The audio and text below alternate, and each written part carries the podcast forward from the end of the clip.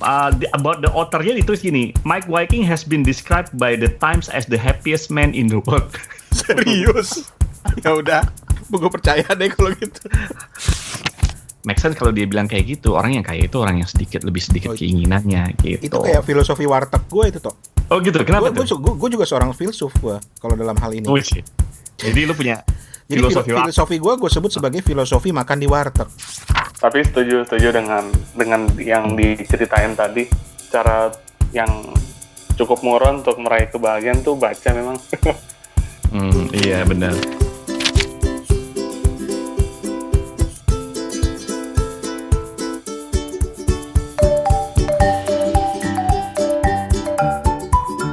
Apa kabar? Assalamualaikum warahmatullahi wabarakatuh. Apa kabar kawan-kawan? Ketemu lagi di podcast Kepo Buku. Sebuah podcast yang diasuh oleh tiga teman di tiga negara. Ada gua Rane Hafid di Bangkok, Thailand. Kemudian ada Steven Sitongan di Ambon, Indonesia. Dan ada Her Toto Eko alias Toto di Singapura.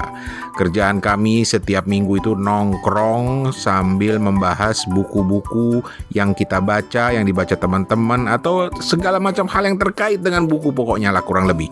Nah, episode kali ini adalah kelanjutan dari episode sebelumnya yang membahas tentang buku dan kebahagiaan. Jadi waktu itu kalau teman-teman ingat di episode pertama, kita ngomongin salah satu buku pilihannya Stephen yang membahas mengenai kebahagiaan yaitu Filokomik yang merupakan kumpulan eh, dari pendapat para filsuf-filsuf dunia mengenai kebahagiaan, mengenai bahagia yang dituangkan dalam bentuk komik. Silakan dengar di episode sebelum ini. Nah, hari ini Toto hadir dengan sebuah buku yang ditulis oleh seseorang yang konon merupakan orang paling bahagia di dunia, namanya Make Viking. Inilah bagian kedua dari podcast Kepo Buku dengan tema buku dan kebahagiaan. Semoga berbahagia mendengarkannya. Asik.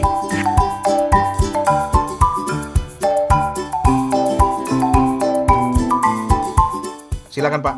Oke, nah tadi itu buku yang kita, yang Stephen bawa, yaitu Filokomik, 10 Filsuf, 10 Strategi Bahagia. Nah, sebelum gua bahas buku gua atau bukunya Rani, mungkin kita lihat dulu Ran ya, buku Oh. apa yang teman-teman juga sodorin ke kita, yang ada hubungannya dengan eh, kalau baca buku ini jadi eh, mungkin dapat ide tentang apa itu bahagia atau lebih memicu kebahagiaan gitu. Iya, Coba karena kalau gua karena kan sebenarnya bahasan kita adalah tentang kebahagiaan gitu kan ya. Mm-mm. buku Mm-mm. eh, dilihat dari sudut pandang buku. Tapi kalau kali ini gue justru mancing teman-teman untuk jawab tentang kebahagiaan Mm-mm. atau buku yang membuat mereka merasa bahagia atau memicu rasa bahagia setelah dibaca. Betul. Oke, Mm-mm. Eh, gila banyak banget. Eh, Oh ya, kita bagi dua nanti, kita bagi Oke. dua nanti. eh, eh, enam dulu ya, enam dulu ya. Cloudy Library, Cloudy Library ini bilang eh, Mm-mm. buku yang memicu kebahagiaan buat dia adalah Mary Poppins, dunia anak-anak dan keajaibannya eh, membuat hati senang. Kayaknya jadi penuh warna gitu. Mary Poppins. Oke. Ada ta eh eh ta underscore Nara. Gue nggak tahu ini lucu lucu banget judulnya. Hah? Si cacing dan kotoran kesayangannya. Karya Ajan Bram. A J A H N Bram B R A H M. Lucu juga nih namanya. Oh. Kalau Justin Reeds, Justin Reeds ini bilang eh, A Gentleman in Moscow karya Amor Towles. Kan jadi jadi banyak koleksi kan yang bisa kita cari. Iya iya betul betul betul betul betul. Justin Reeds, eh Justin Reeds. Justin. Justin Reeds Aloud. Sorry sorry Justin nanti gue cek lagi deh namanya. Mm. Hello underscore hairbrush. Dia bilang buku yang memicu kebahagiaan itu buku-bukunya Andrea Hirata. Hmm, Wih oke Oke. oke. Dua lagi ada Alpha.rabi. Hah? Dia menyebut eh, bukunya Desi Anwar. Oh yang mana tuh? Desi Anwar judulnya Going Offline Going offline? Ah. dan Hidup Sederhana. Oh oke. Sementara minimalis.idn dia bilang bukunya judulnya Rahasia Hidup Orang Swedia Lagom. Hmm. Kenapa sih ya orang Swedia itu emang paling bahagia di dunia ya? Orang Swedia, orang Denmark, Skandinavia lah rata-rata mungkin. Kenapa ya? Gitu. Ya mungkin di buku gue nanti akan dibahas dikit lah gitu. kan. Ah, oke. Silakan, Nah. silakan. Ah, totok ngomong kebahagiaan, gue demen nih. Oke, nah buku yang gua yang gua bawa kali ini adalah bukunya tadi uh, gua udah sebutin ya, bukunya Mike Viking. Uh, kalau yang dalam bahasa Indonesia disebut uh, kunci kebahagiaan, cara menemukan makna hidup dengan mengungkap rahasia orang-orang yang paling bahagia di dunia. Oke. Nah, pakai yang sih sebenarnya gitu. Judul aslinya sih The Key to Happiness, jadi sama aja gitu dia uh, direct translation juga gitu ya. Nah, Mike Viking ini uh, mungkin gua uh, lihat dulu ya pengarangnya itu ternyata dia adalah si Mike Viking ini uh, pendiri uh, apa namanya uh, happiness research kalau nggak salah sebentar gua ya sebentar ini kalau kalau ke sini susah nih Uh, Mike Viking, uh, Mike Viking itu dia uh, mendirikan sebuah organisasi yang namanya Happiness Research Institute di tahun 2011 gitu ya di Copenhagen, Denmark. Nah, dia itu ternyata jalan dari dari dari negara ke negara gitu ya. Dia tuh jadi konsultan gitu buat government, buat cities, buat buat buat buat para negara-negara yang yang jadi kliennya dia gitu kali ya. Uh, dia pernah uh, working sama Minister of State for Happiness. Ini bener apa enggak ya? Tapi gue di buku dia dibilang gitu. Minister Serius? of State for for Happiness in the UAE. U, UAE. Berarti kan uh, Arab- Arab United Emirates. Arab Emirates ya. Mm-mm, Arab Emirates kan, gitu. Terus juga termasuk juga kerjasama sama government the city of Goyang in South Korea. Ada juga yang sama state Jalisco in Mexico. Jadi kalau dipikir sih lucu ya, karena dia itu sebenarnya bukan um, uh, uh, backgroundnya bukan bukan uh, psikologi gitu. Dia backgroundnya itu justru uh, business and political science. business and political science dan dia tuh sebelumnya uh, kerja di uh, Danish Ministry of Foreign Affairs. Jadi uh, uh, apa namanya departemen luar negerinya Denmark gitu kan ya. Tapi ya gua gua gua nggak gali lebih lanjut kenapa dia mendirikan ini gitu. Tapi yang jelas uh, dia buka bahwa dia tuh tertarik karena karena dia punya research institute ini dan dia lihat bahwa Denmark itu adalah salah satu negara yang punya indeks kebahagiaannya tertinggi. gitu. Oke, oke. Nah, jadi buku ini tuh sebenarnya membahas itu dan dan buku ini seperti tadi gue bilang buku ini lebih ke arah bagaimana dia membahas dari faktor-faktor yang menyebabkan kebahagiaan atau mungkin bukan faktor ya apa namanya eh, sisi apa sih yang yang kita bisa lihat eh, sehingga orang itu bisa jadi bahagia dan tips apa di area tersebut yang bisa lo lakukan sehingga lo bisa mendapatkan kebahagiaan gitu. Oke. Jadi dia ada sembilan bab gitu ya. Di bab pertama itu dia bilang berburu harta karun atau atau kalau bahasa Inggrisnya uh, the treasure hunt gitu. Di sini dia cuman bilang bahwa gue tuh lagi nyari yang namanya kebahagiaan. Terus uh, dia dia ngobrol dengan banyak orang gitu ya. Pada dasarnya background lah, baik sedikit background beberapa halaman gitu. Dan yang kedua dia udah langsung bilang bagaimana cara ngukur kebahagiaan ya gitu. Dan dia udah uh, udah bilang di sini bahwa uh, apakah kebahagiaan itu bisa diukur? Eh, iya. Kan tapi kan subjektif gitu. Tadi Hmm, seperti yang hmm, tadi kita hmm, bilang kan subjektif. Oh, it's okay. Subjektif juga bisa diukur selama secara saintifik bisa dipertanggungjawabkan it's okay gitu. Gitu. How do you measure uh, happiness? Ya ya boleh-boleh aja menurut gua gua happy, uh, menurut lu uh, lu happy kayak begitu ya oke-oke aja gitu. Jadi menurut dia memang happiness itu kalau yang gue lihat dari uh, bab yang kedua ini ya memang subjektif, is okay gitu, nggak Hmm. apa-apa. Yang penting kan masing-masing setiap orang akhirnya merasa happy apa pun itu gitu. Nah akhirnya dia di bab-bab selanjutnya nih dia mulai bil- boleh lihat beberapa uh, area uh, dari sisi kebahagiaannya itu sendiri gitu. Jadi dia ada beberapa area. Pertama kebersamaan. Hmm. Kemudian uh, yang ini mungkin mungkin jadi topik yang menarik nih. Misalnya kayak uang. Nah, apakah lebih banyak uang berarti lu lebih bahagia? Gitu kan? bisa iya, bisa enggak. Nanti kita lihat di situ. Hmm. Terus ada yang namanya kesehatan. Terus kebebasan. Kemudian ada rasa saling percaya. Yang kedelapan uh, yaitu kebaikan. Kemudian dia tutup dengan bab yang namanya menyatukan semuanya itu kalau dalam bahasa Indonesianya sih ya gitu. Kalau dalam bahasa Inggrisnya ya sekali lagi ya mungkin ini terjemahannya juga terjemahan uh, direct juga. Jadi uh, seperti yang tadi gue bilang yang bab pertama itu the treasure hunt. Terus kemudian how do you measure happiness? Kemudian yang ketiga tuh togetherness. Yang empat money, kelima health, yang keenam freedom, ketujuh trust, terus yang kedelapan kindness, sama yang kesembilan putting the pieces together gitu, menyatukan semuanya gitu. Gue malah pengen nanya sama si Mike Walking nih, tau kalau ketemu. Hmm, kenapa? Dia sendiri bahagia nggak sih?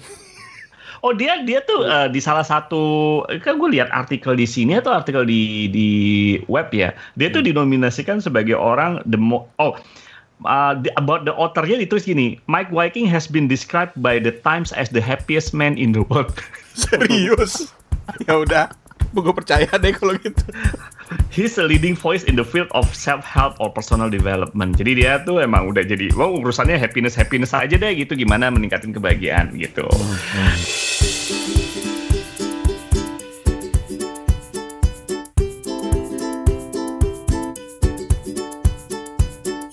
Nah, sekarang kita bahas ya mungkin satu persatu gitu ya. Mungkin nggak uh, uh, uh, ada singkat-singkat aja. Pertama tuh, nah ini ini ini yang bab ini itu tadi sengaja gue nggak jawab kenapa. Uh, menurut lu kan tadi COVID ya, nah, Ran ya, kenapa banyak buku tentang kebahagiaan, tentang COVID gitu kan ya? Uh, maksudnya kita di, lagi dilanda pandemi kayak gini, mungkin orang jadi supaya bahagia lah gitu kan? Hmm, Mungkin uh, Stephen juga setuju. Tapi di bab kedua ini, itu justru gue ngerasa jangan-jangan ini persoalan kita yang sadar nggak sadar selama selama satu dekade belakangan ini membuat kita lebih kurang bahagianya gitu. Maksud, maksud, maksud. Maksud, maksudnya adalah kebersamaan gitu. Jadi gini, uh, menurut dia, menurut dia orang yang salah satu faktor yang membuat orang bahagia itu adalah kebersamaan. Dan gue ngelihat bahwa makin banyak ke sini dia juga ng ngelihat gitu ya. Orang itu lebih banyak nggak bahagianya gitu.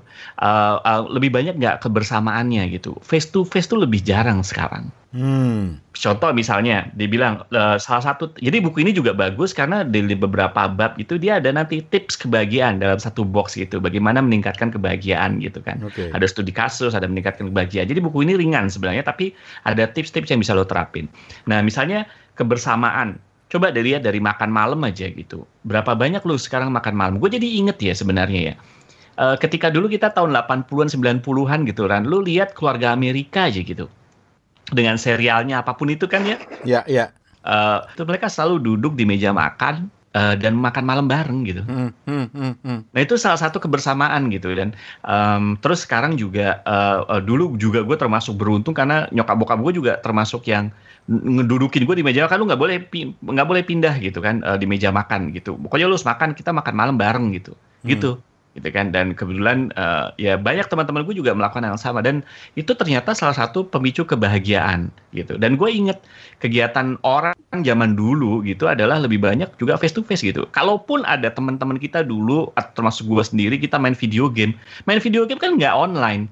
Gue Iya. datang ke rumah lo main main PS gitu teriak-teriak teriak-teriak bareng. Sekarang orang mungkin lebih jarang gitu. Walaupun secara internet gitu kita kita nyatu tapi ya beda tetap beda gitu kan. Nah jadi dia bilang bahwa jangan lupa bahwa kebersamaan itu penting buat meningkatkan kebahagiaan lo. Jadi salah satu tipsnya misalnya kalau dia bilang ya eh, coba deh lu eh, misalnya eh, lihat lu bikin yang namanya di tetangga lu gitu ya kalau ada kebun bersama cobalah lu kebun bersama lu lakuin gitu misalnya Hmm. kalau di Singapura ada tuh karena lahannya kurang kebun itu juga meningkatkan kebahagiaan gitu.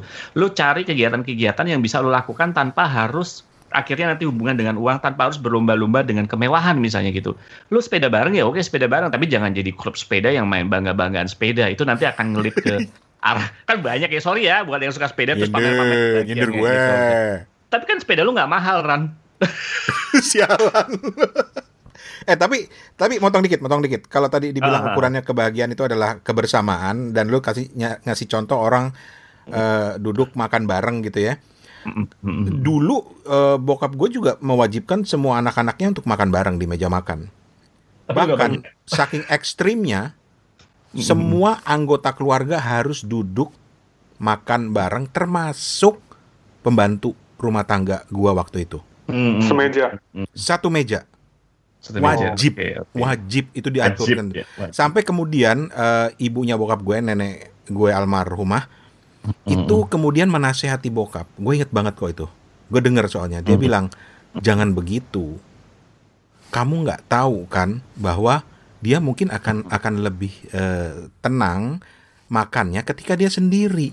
Hmm. Karena tiap orang itu ukurannya beda-beda dan mungkin eh, makan itu adalah waktu bagi orang itu untuk menjadi dirinya sendiri, untuk santai, menikmati makanannya dan dia mungkin nggak santai kalau dia makan dengan orang yang jadi bos dia. Ah, oke oke. Itu itu itu itu itu salah satu gua- yang gue masih gue inget sampai sekarang karena dulu tuh sempet tuh Hmm. pokoknya nggak ada mau jam berapapun lu harus jam makan lu ada di rumah termasuk pembantu rumah tangga juga harus duduk semeja gitu loh. Tapi sejak itu sejak nasihat nenek gue itu perlahan-lahan mulai oke bebas lu mau ikut di sini apa enggak se- terserah gitu loh. Dan dimanfaatkan oleh anak-anaknya untuk juga nonton eh, makan di depan TV akhirnya.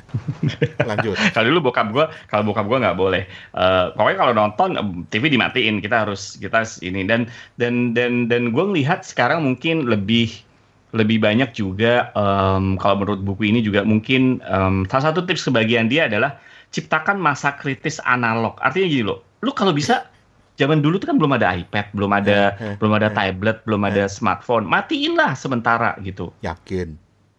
Dan mungkin ini hubu ya hu- gadget gitu. Hubungannya mungkin ke zaman-zaman kita pernah membahas yang namanya digital minimalis gitu kan ya. Hmm. Eh, ya karena itu me- sebenarnya kalau menurut gua nggak salah tools itu gitu kalau gua kalau gua simpulin gitu ya. Cuma ya jangan jadi lu menggantikan itu eh, hubungan face to face lu sama orang lain gitu. Lu setuju nggak, Fon? Kalau Em, ketika dengar yang tadi Mas Toto cerita tuh, kalau kebersamaan tuh yang salah satu pemicu kebahagiaan tuh aku setuju banget ya.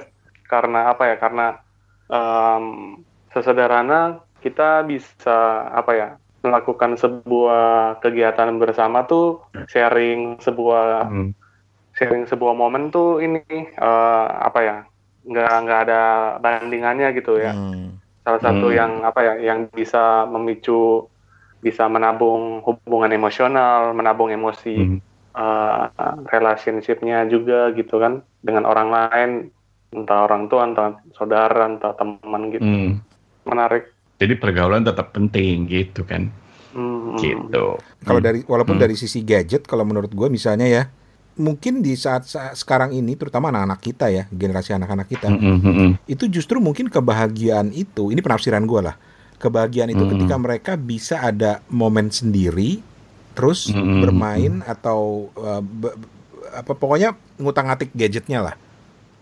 Entah main Hmm. game, entah apa, nggak tahu. Ini ini ini penafsiran gue, tapi oke kita lanjut, kita lanjut. Oke. Nah, yang kedua dia bahas tentang uang. Nah, sekarang ini menarik nih Ah. uang. Kita selalu bilang kan, lu lebih banyak uang, lebih baik lebih jadi bahagia, Hmm. atau orang kalau bahagia jadi lebih banyak uang, atau Hmm. uang nggak ada pergaulan yang bahagia. Kalau menurut lu gimana Ran? Uang dan kebahagiaan. Gue soalnya gimana? bukan belum apa bukan anak sultan, jadi uang tuh masih kadang-kadang memicu kebahagiaan. kenapa? Kenapa gue bilang kadang-kadang gini? Gue itu termasuk Mm. orang yang nggak hitung-hitungan. Eh, dalam artian Oke, gini, oke. Eh, ya uang tuh bis rezeki lah, nanti ada lagi gitu. Jadi Mm, kalau mm, gue mau mm, sesuatu lagi, ya. atau eh, apa namanya Mm. eh, dalam berpikir soal uang tuh gue nggak terlalu strict gitu. Hmm, hmm, hmm. Dan Oke, itu nggak terlalu strict. Jadi, membuat gue tenang, membuat gue apa ya? Gue itu otak gue tidak diganggu dengan ukuran wah ngitung uang gue tinggal segini nih cukup nggak buat segini segini segini hmm, gitu. hmm, hmm. Dan itu mungkin orang akan menafsirkan wah lu kan di luar negeri banyak duit. Bukan bukan itu masalahnya, tetapi Ah, ah. eh, lebih kepada ya gue nggak pernah terlalu strict banget gitu loh. Tetapi Hmm. di satu sisi ketika tanggal tua atau ketika uang gue mulai menipis dan pada saat itu tiba-tiba gajian, kok gue rasanya Hmm. seneng banget gitu loh. Oke, oke, oke. Jadi, jadi, Jadi gue jadi mempertanyakan, jangan-jangan emang uang membuat kebahagiaan. oke, oke. Itu menurut lo ya. Oke. Nah. Kalau lo Van gimana Van? Em, menurut aku aku nggak ada nggak ada opini tertentu untuk eh, Hmm. case ini tapi eh, asumsi aku dari bukunya Mas Toto eh, Hmm. uang tuh berbanding lurus dengan kebahagiaan nggak sih itu malah bertanya, malah bertanya. Sebenarnya di buku ini udah ngejawab sebenarnya, Hmm, hmm. gitu. Lalu menjawab, uang dan kebahagiaan itu sama aja kayak di Facebook. It's complicated kata jadi. bener bener di awal bener dia bener, tulis bener, it's bener. complicated jadi apa yang bilang Rani itu gimana sih susah banget sih kayak, kayak relationshipnya apa iya kalau gue banyak uang jadi lebih bahagia enggak juga tapi kalau gue nggak banyak uang enggak juga sih gitu Iya. kan nah, Iya. nah gitu kan jadi dia coba coba coba bahas tapi dia juga bilang uang dan kebahagiaan itu It's complicated. complicated Oke. gitu kan oke oke oke It's complicated. Karena gini, eh, ada yang ada yang kasus-kasus di mana di mana eh, pen- kalau lu ngomong uang, anggaplah sebuah negara kalau dibilang gitu kan. Hmm. Eh, negara itu kan kalau secara ekonomi lu oke lah pendapatan domestik bruto atau GDP kayak gitu Hmm, kan hmm, misalnya hmm. gitu kan.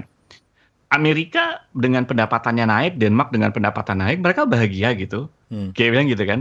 Tapi kalau South Korea, South Korea dibanding dulu naik nggak eh, GDP-nya? Oh iyalah, Korea South Korea gitu. Tapi dia mereka nggak- jauh gitu kebahagiaannya gitu. Maksud naiknya jauh, tapi kebahagiaannya justru malah merosot. Misalnya kayak gitu kan. Hmm. Berarti enggak dong gitu. Makanya dia bilang it's complicated. Tapi dia coba ngebahas gitu. Jadi sebenarnya uang tuh gimana sih?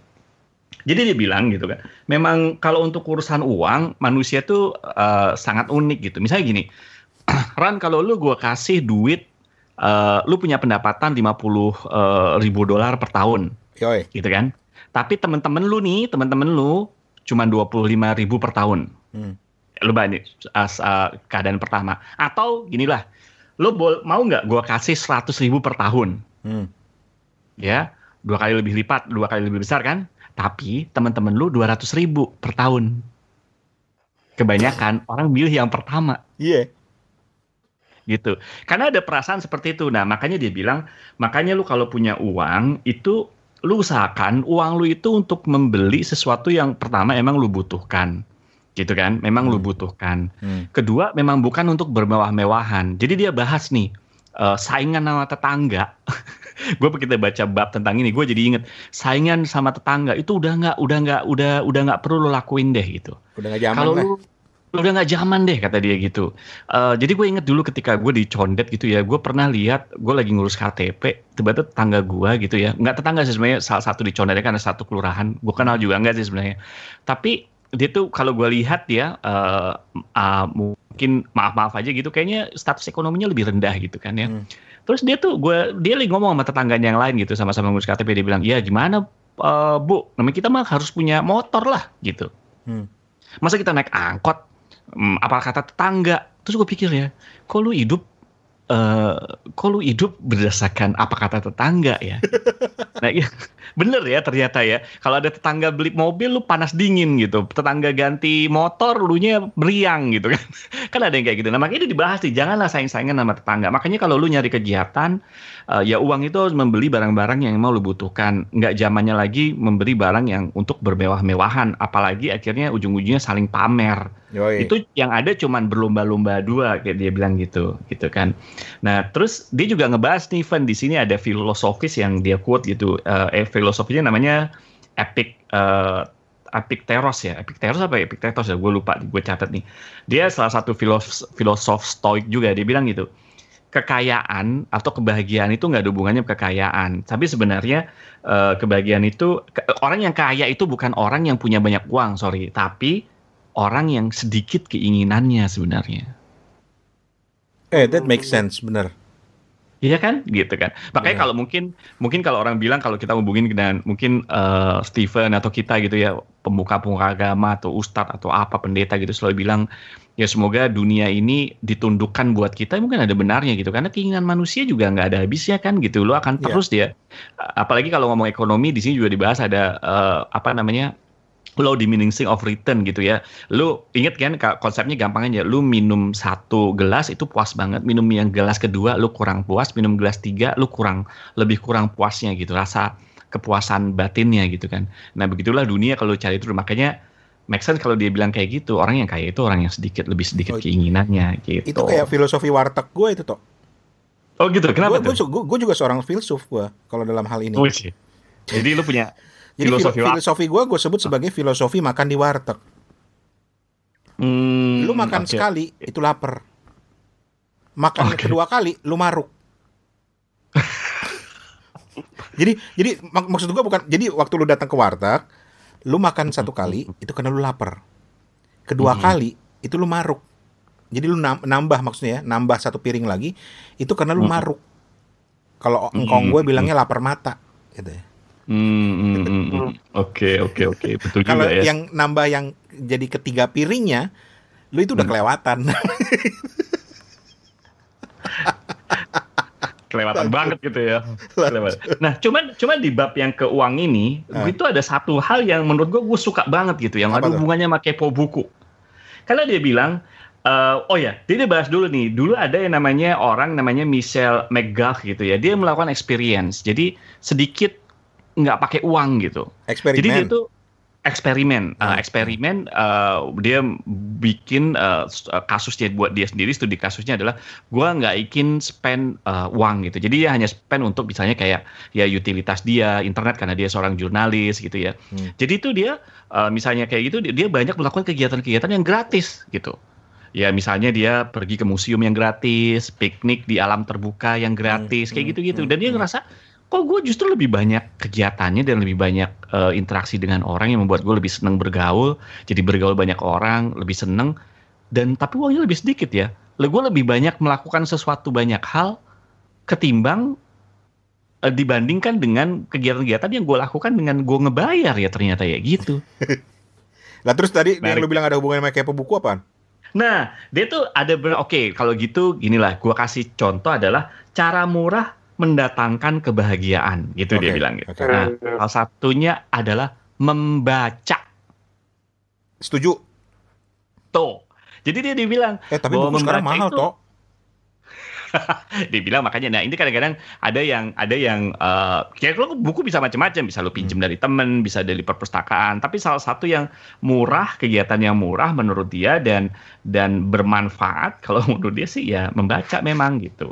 Hmm. salah satunya kayak gitu. Dan dan dan gitu. Dan lu, lu kalau kalau mau lebih ekstrim coba le le, seperti yang tadi si siapa? Si uh, uh, Michelle Megah gitu. Dia bilang um, coba lu kalau bisa jangan jangan ngeluarin uang ter, uh, kecuali terhadap sesuatu yang lu butuhkan. Ada kegiatan-kegiatan yang coba lu lakukan yang yang yang yang kira-kira lebih murah gitu Aduh. Nah, Gila ya, Gitu. kebahagiaan itu ternyata penting banget ya. Iya, jadi jadi jadi buku ini cuma membahas banyak tips ya. Kalau dibahas bisa banyak banget ya sampai. Tapi gue penasaran toh, Sa- Hmm. masih masih penasaran sama eh, how do you measure happiness? nah dia nggak jelasin sih, dia nggak jelasin bagaimana dia measure happiness sih. Tekniknya gue juga gue sebenarnya tertarik ya sebagai orang yang yang pengen tahu dari gimana lu ngukur happiness ya. Iya Dia kan? cuma bilang, lu orang bahwa- yang orangnya matematis banget kan? Cailah. "Ah, ah, ah, ya matematis ibaratnya gitu ya. Tapi dia bilang nggak nggak dia dia nggak nggak nggak nggak ini sih, nggak nggak nggak nggak dijelasin sih gitu. Eh, apa namanya? Secara Eh, bagaimana dia mengukir ah, gitu. Ah, oke.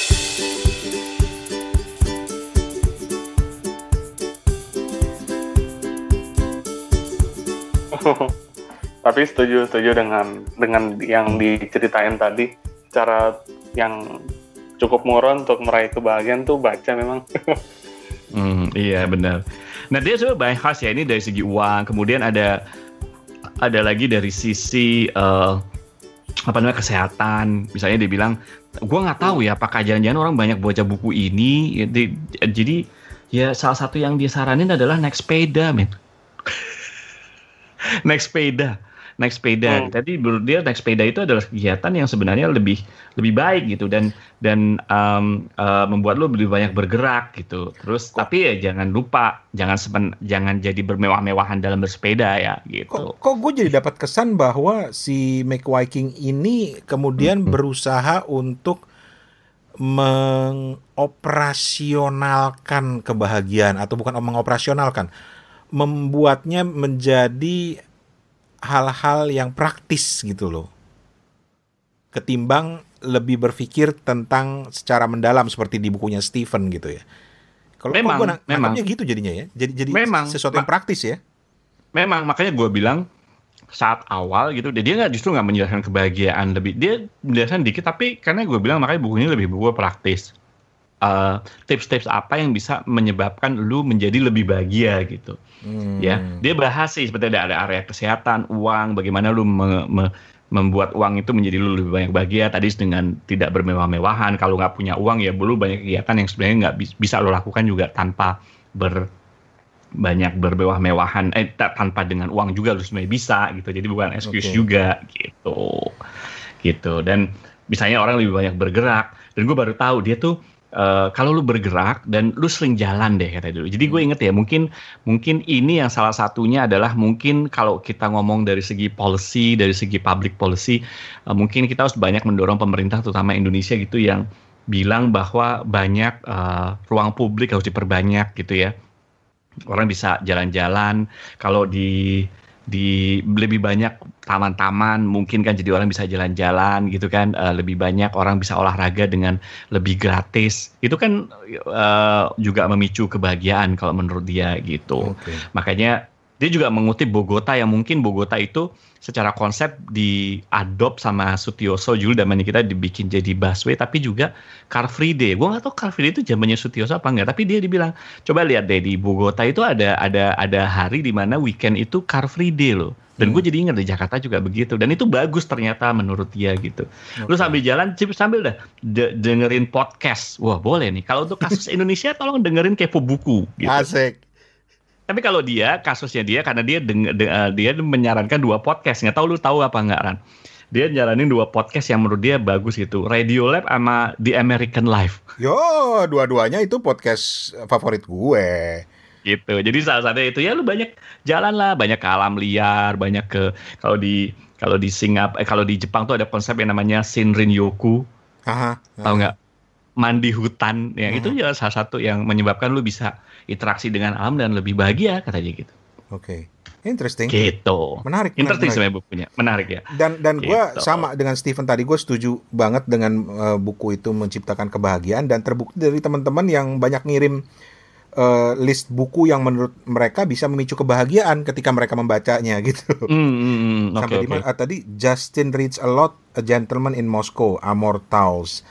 Um, Alfa Rabi juga menyebut buku yang sama yaitu uh, uh, Desi Anwar Going Offline dan Hidup Sederhana.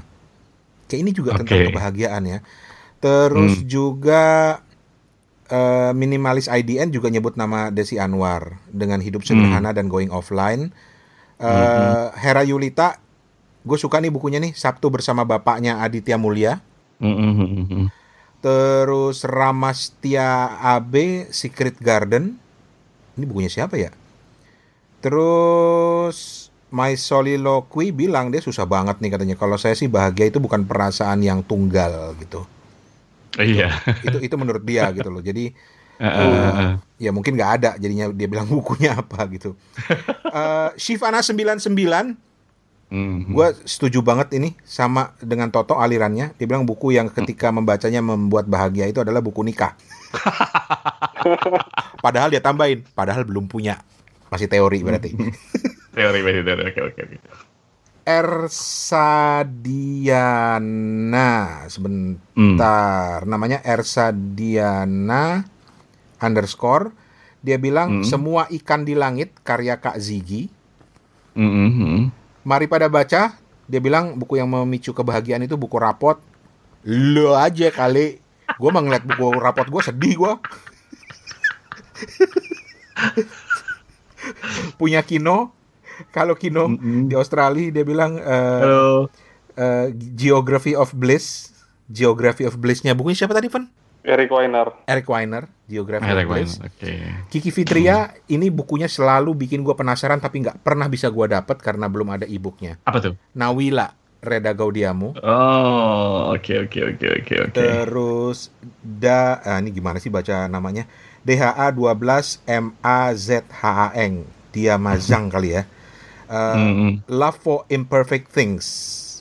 Mm -hmm. itu bukunya dia bilang ini ngademin hati yang panas dan pikiran katanya. Tapi mm. setelah uh, kelar selalu bikin bikin apa? Bikin apa? Nggak jelas nih. Bikin mikir mungkin ya. Terus ada Abims The Moment of Lift Melinda Gates. Uh -uh. ini keren-keren loh bukunya. Maksudnya gue uh, beda-beda penafsirannya. Podcast dari pekerja hmm. dia bilang Gokusen. Halo. Alia Rashid itu eh, rasanya buku-buku apa pun bisa bikin bahagia asal bisa bikin hangover. Hah, gimana caranya? Syahira alias hijab on Tinder dia bilang ya, banyak salah satunya uh, The Key to Happiness by Make Viking yang barusan dibahas Toto. Mm-mm. Terus Ahrijani. Ah ini para penggemar buku mungkin akan setuju dengan pendapatnya Ahrijani. Buku apa yang membuat bahagia? Dia bilang buku yang sudah masuk wishlist untuk dibeli. Kalau gua bilang. Ahrijani kalau baru masuk wishlist untuk dibeli itu belum bikin bahagia. Kalau udah kebeli Mm-mm. baru bikin bahagia. Mm-mm, Tapi kalau udah kebaca gitu. Udah baca gitu. Mm-mm. Oke, kalau kalau ya. lu, eh, lu tuh ah, buku apa yang ini ini ada ada kaitannya dengan buku gue selanjutnya, tapi pertanyaannya Ah, sekarang ah. adalah eh oke ke Steven dulu lah kali biar eh, Mm-mm, Fen, mm-mm, lu kan mm-mm. banyak baca buku ya. Buku apa yang Iya. menurut lu setelah lu baca memicu rasa bahagia pada diri lu? Apa ya? Mikir dia. gue pikir lu mikirnya lebih cepet ketimbang Toto. Apa ya? Yang bikin bahagia. Hmm, hmm, hmm, hmm, hmm. Dia langsung ngeliat Nggak ada nih. kayaknya. Nggak ada. Ah, ini terakhir terakhir ah, baca cerpennya Mbak Reda bisik-bisik Bisik-bisik. bisik-bisik. Ah, ah. Mm. Jadi ah, waktu baca ini selain ah, kisah-kisahnya di situ menarik, dialog-dialognya ah, bahagianya bisa ketemu sama tulisannya Pak Sapardi. Ah, Mm. oke. Tapi eh, tapi eh, aku ingin menambahkan satu judul buku lagi yang mungkin eh, teman-teman pengen tahu gimana sih eh, key, key happiness yang lainnya gitu apa-apa aja yang dilakuin buat kebahagiaan gitu ya yang sehari-hari aja gitu. Hmm. Ada Hmm. bukunya Putih Puar, ada bukunya Putih Puar by Putih. Ya, Mm. Instagramnya judulnya Happiness is Homemade. Jadi uh, ada ilustrasi, ada kata-kata apa aja sih uh, kebahagiaan yang sederhana itu. Salah satu yang aku lihat di sini uh, memberikan ujian yang tulus dan menerimanya. Hmm. Misal, wah uh, kamu uh, cakep banget hari ini. Hmm. Ya kamu juga harus uh, menerimanya gitu kan. Ya terima kasih Mm. Oh. sudah ini look glowing gitu YouTube Asik. gitu Jadi siapa yang hari ini udah lu bilangin lu cakep banget hari ini, Van? Pancing. Kepancing Aduh, loh. Selamat malam Mbak Putih. Apa kabar? Gimana Kapan- kabarnya dia? Kapan ke kepo Hmm, buku lagi? Asik. Oke.